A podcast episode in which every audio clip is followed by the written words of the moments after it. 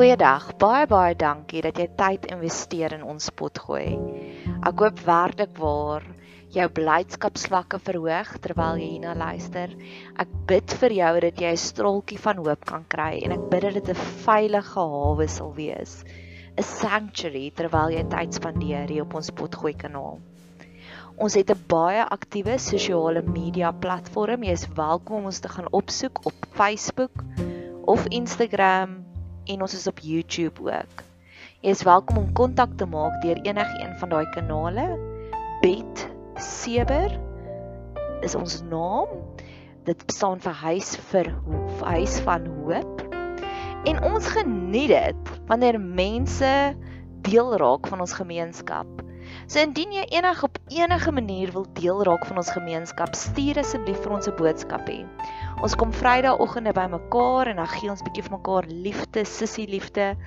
Jy's welkom om deel te raak van ons gemeenskap deur om hierdie potgoeie te deel met jou vriende en familie of jy kan lekker kreatief raak om deel te raak van ons laat daai kreatiewe juices bietjie vloei. Ek het op nou onlangs gehoor van 'n ander potgooi kanaal wat vertel het die persoon het vir haar koek gebak om hulle verjaarsdag te vier. So laat jou kreatiewe juices vloei.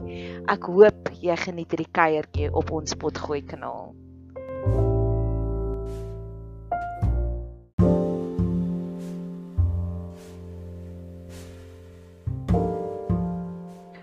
Familiestreke.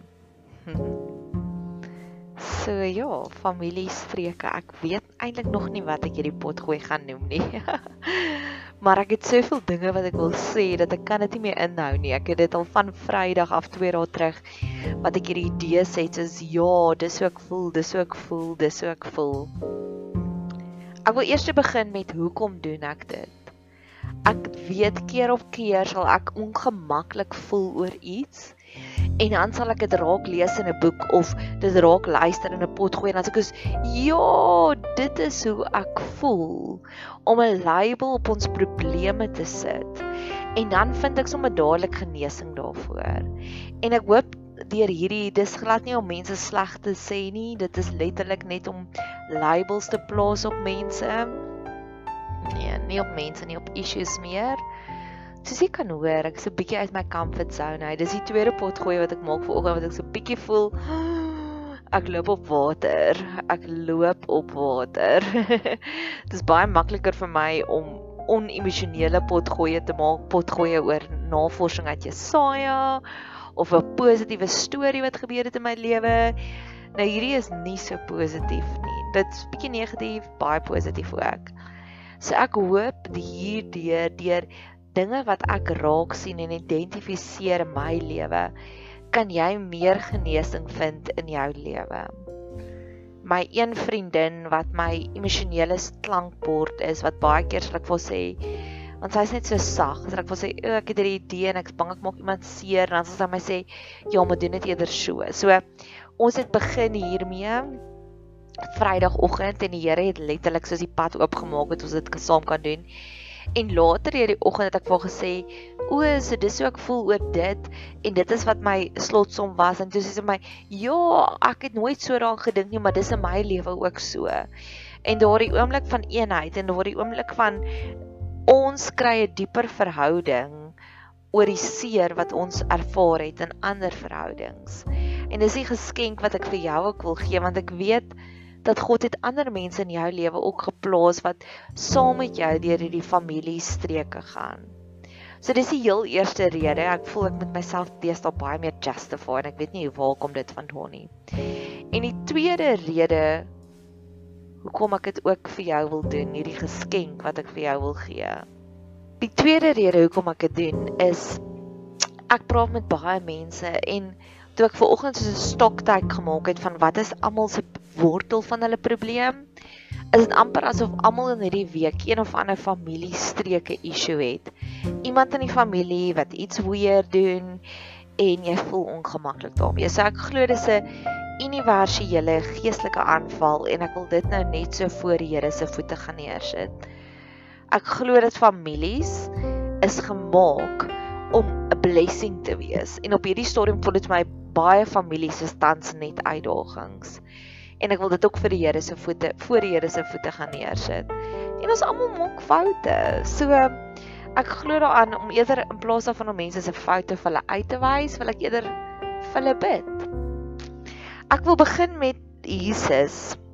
Jesus het hierdie storie wat hy vir die mense vertel in sy bergpredikasie wat hy sê die oomblik wat jy kyk na daardie vrou en jy begeer na haar, het jy alreeds egbreek gepleeg in jou hart. Met ander woorde en daar is my so universele boodskap. Ek love daardie boodskap wat Jesus sê die manier hoe jy na iemand kyk maak hulle seer. Dit is 'n sonde. Jy maak jy steel van hulle. En ek glo werklik waar ons kan voel hoe kyk mense na ons. En ek het drie stories hierso wat ek die negatiewe stories en dan gaan ek positiewe stories vertel.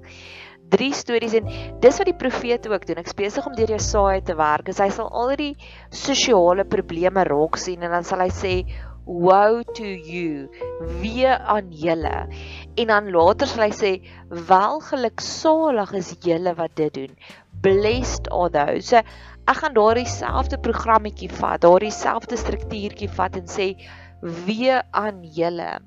En weer eens is nie omdat ons sê die mense is sleg nie, dis juis omdat ons omgee vir hulle, laat ons vir hulle bid.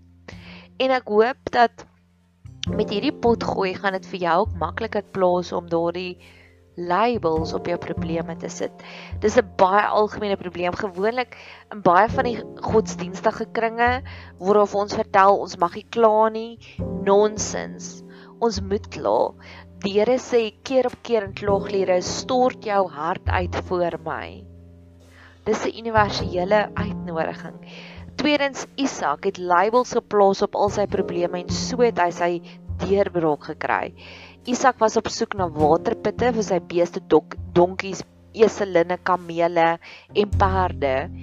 En elke keer het die Filistyne gekom en sy lewe kom moeilik maak, dan plaas hy 'n label daarop en sê hy die eerste put se naam was Esek wat beteken onmin. Die tweede put se naam was Sitna wat beteken konflik.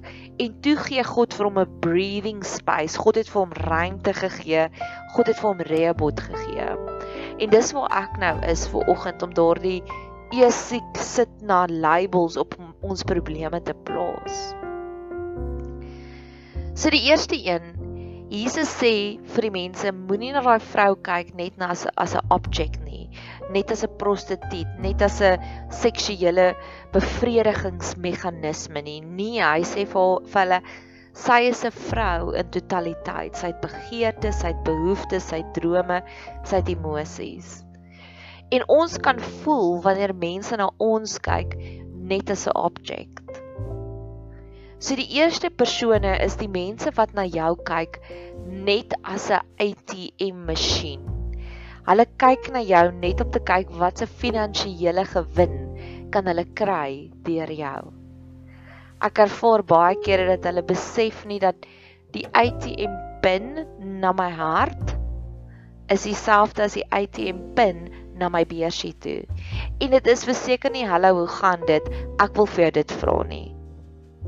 Ons ken sulke mense, mense wat ons net kontak wanneer hulle iets uit ons uit wil hê.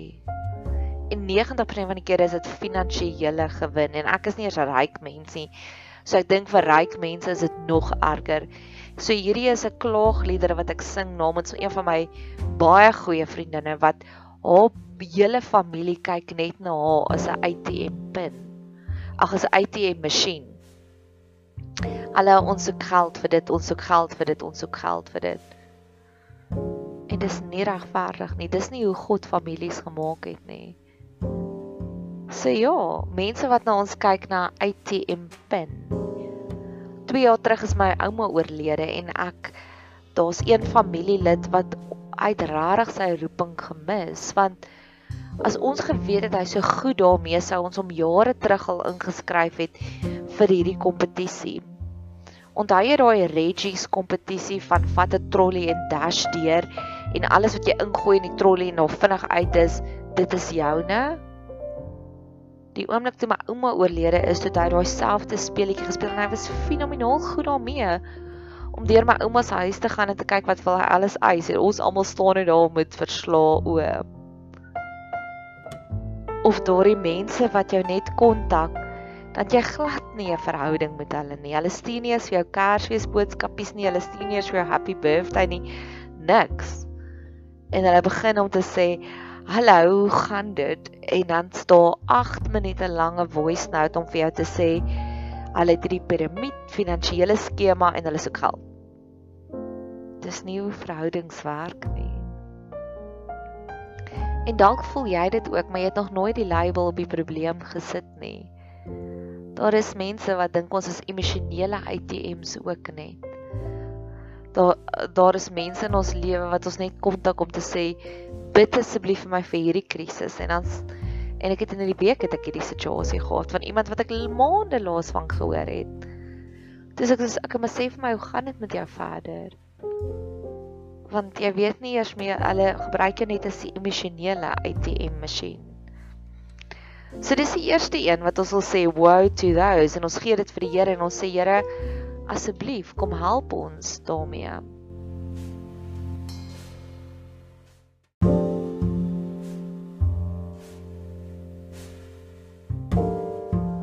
Die tweede manier hoe mense na ons kyk en dit dit voel nie vir ons lekker in ons gees of in ons siel nie is deur die mense wat Hulle wil net hê ons moet net hulle groepies wees. Hulle wil net hê ons moet hulle fans wees. Jy weet soos wat 'n rockstar, 'n rockstar sing hierdie liedjie en ons almal ja, ons klap vir hulle hande en dit is dit en dan is dit verby. Dis al emosionele energie wat daar uitgeruil word. Is jy doen 'n vertoning en die ander persoon gee vir jou applous en jy stap uit. Verhoudings was nooit gemaak om so te wees nie en ek blameer die sosiale dilemma daarvoor. Daar is ja, met die jonger generasie, so hierdie klaagliedere wat ek nou sing is juis teen twee jonger familielede wat hulle post net iets op 'n groepie, 'n fotootjie van iets en dan verwag hulle net die applous en dan is dit verby. Versus die mense met wie ek die diepste verhoudings het in my lewe, verwag nooit 'n applous van my af nie. En ek het regtig vir myself ook gestok tyd wat ek dink is ek het die diepste verhoudings met mense en hulle is totaal en al in oblivion na die pot gooi wat ek maak en na die dinge wat ek maak want ek verwag nooit van my vriendinne om my groepies te wees nie. God is my groepie en dis meer as genoeg. So ek blameer die sosiale media daarvoor want dis amper asof hulle die kinders kultiveer om te sê post iets, kyk hoeveel likes het jy. Ek en my einste vriendin met wie ek hierdie idee geklankbord het, het haar seun gaan optel, haar matriekseun en op 'n storie met sy gepraat oor likes op Instagram. En die matriekseun het afgehaak agter in die kar en gesê: "Maar mamma, dis hoe dinge werk. Jy like iets van daai persoon en dan dan like hulle iets weer terug." Ongeag van enige ander emosionele verhoudings wat uitgeruil word of gekultiveer word.